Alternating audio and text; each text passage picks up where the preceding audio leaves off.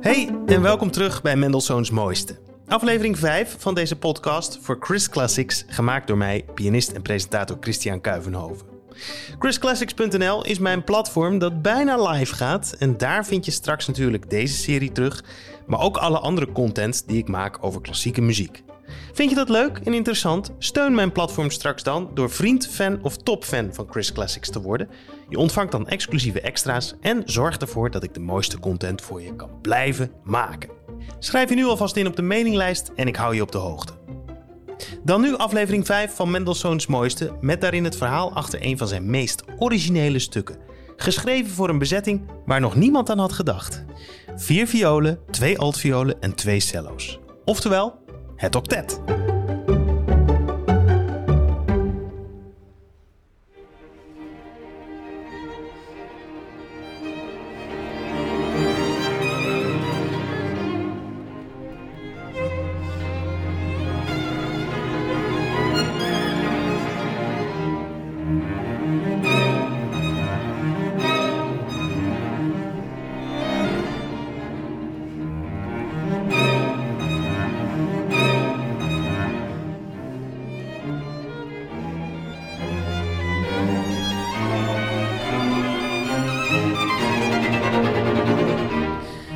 Wat ik zo fijn vind aan de muziek van Mendelssohn is dat er vrijwel altijd een heel sterk optimisme in zit.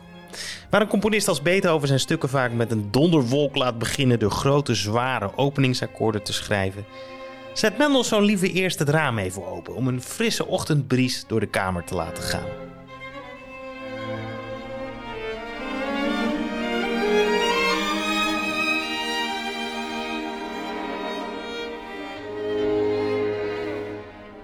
Het octet is daar geen uitzondering in en het heeft, net als de Italiaanse symfonie uit aflevering 4 bijvoorbeeld, een stralende, energieke, jeugdige opening. De melodie buitelt bijna over zichzelf heen, zo gretig en enthousiast klinkt die.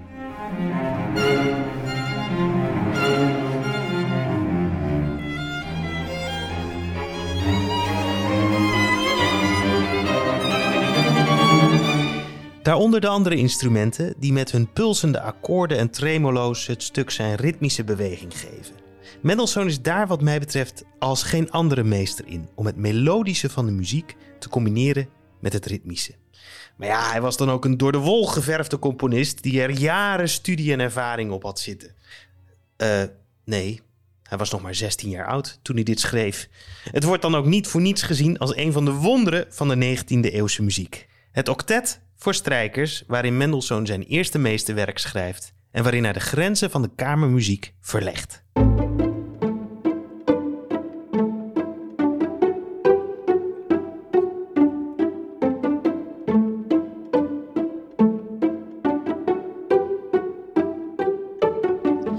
Een octet is een groep van acht spelers.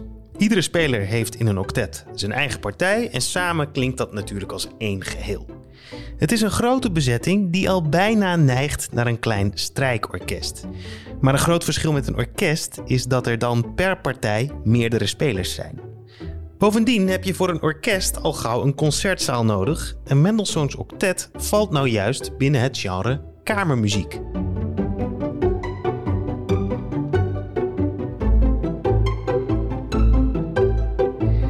Maar met het octet doet hij iets wat binnen de kamermuziek eigenlijk niet eerder was gebeurd.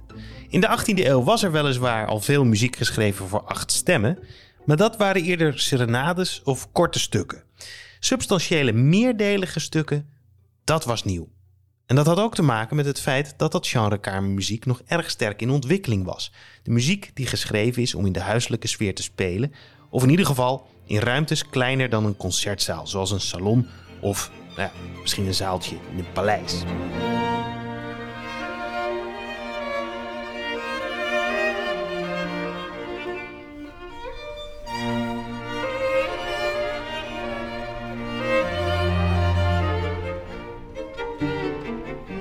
Vanaf de tweede helft van de 18e eeuw wordt kamermuziek dankzij Haydn en Mozart een steeds belangrijker genre. En met name het strijkkwartet wordt dan gezien als het belangrijkste ensemble. De belangrijkste proeven voor een componist om zich in te bewijzen. Zeker wanneer Beethoven er begin 19e eeuw zo ongeveer de hoogste graal in heeft bepaald.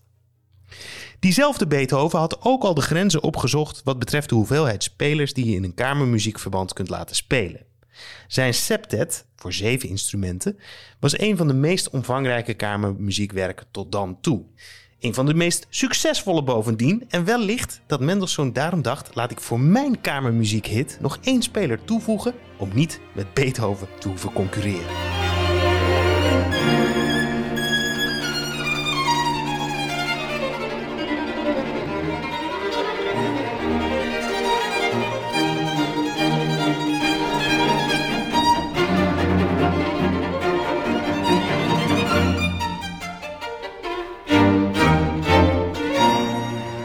Goed aangevoeld van Mendelssohn. Want waar Beethoven een hit had met zijn septet, zo had Mendelssohn ook een hit met zijn octet.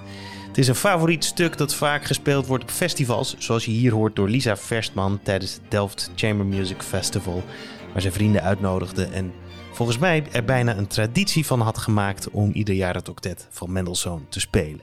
Ik stel me zo voor dat dit voor strijkers een ontzettend leuke uitdaging is om samen met elkaar te doen.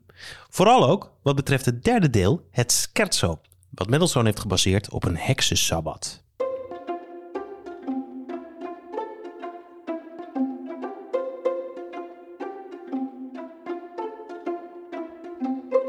Over die heksensabbat zometeen meer. Want als we heel precies zijn, was Mendelssohn niet de allereerste die een octet schreef. Dat was namelijk prins Louis Ferdinand van Pruisen, het neefje van Frederik de Grote, begenadigd pianist, componist ook, en hij heeft in de muziekgeschiedenis enige onsterfelijkheid vergaard doordat Beethoven zijn derde pianoconcert aan hem heeft opgedragen.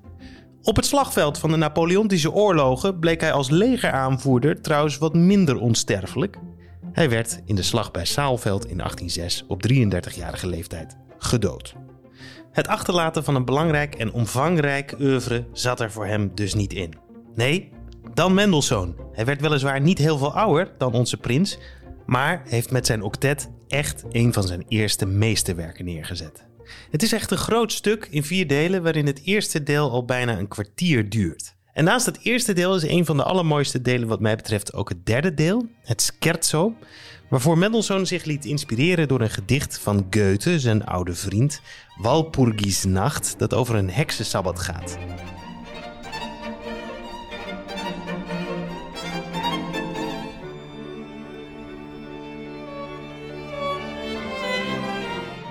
Mendelssohn's zus Fanny was heel erg enthousiast over dit deel. En ze beschrijft haar indrukken heel mooi in haar dagboek. Het hele scherzo wordt staccato en pianissimo voorgedragen met af en toe een huivering van tremolo's. Alles is nieuw, vreemd en toch zo vertrouwd en aangenaam om te horen. Men voelt zich zo dicht bij de wereld der geesten, zo licht en zwevend dat men zelf een bezemstil ter hand zou willen nemen als men deze muziek hoort.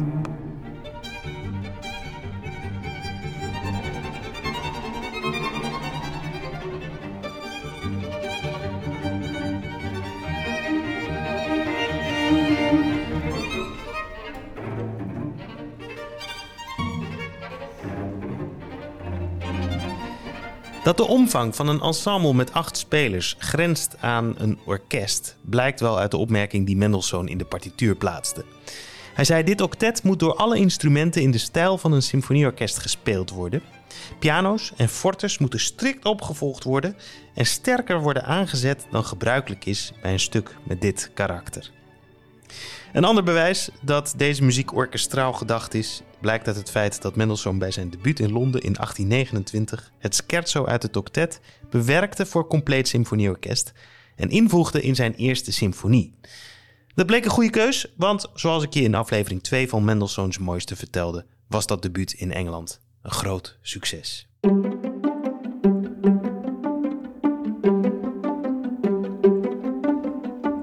Tot zover aflevering 5 van Mendelssohns Mooiste. Een podcast over de mooiste muziek van Mendelssohn in aanloop naar mijn platform Chris Classics. Op 8 april ga ik de website lanceren www.chrisclassics.nl en dat ga ik doen met een speciale stream waarin ik voor je speel. Wil je daar een reminder van ontvangen en wil je sowieso op de hoogte blijven van alle nieuws rondom Chris Classics? Schrijf je dan in op de mailinglijst. En ben je helemaal enthousiast? Word straks dan op de website vriend, fan of topfan van het platform. Tot zover deze vijfde aflevering van Mendelssohns Mooiste.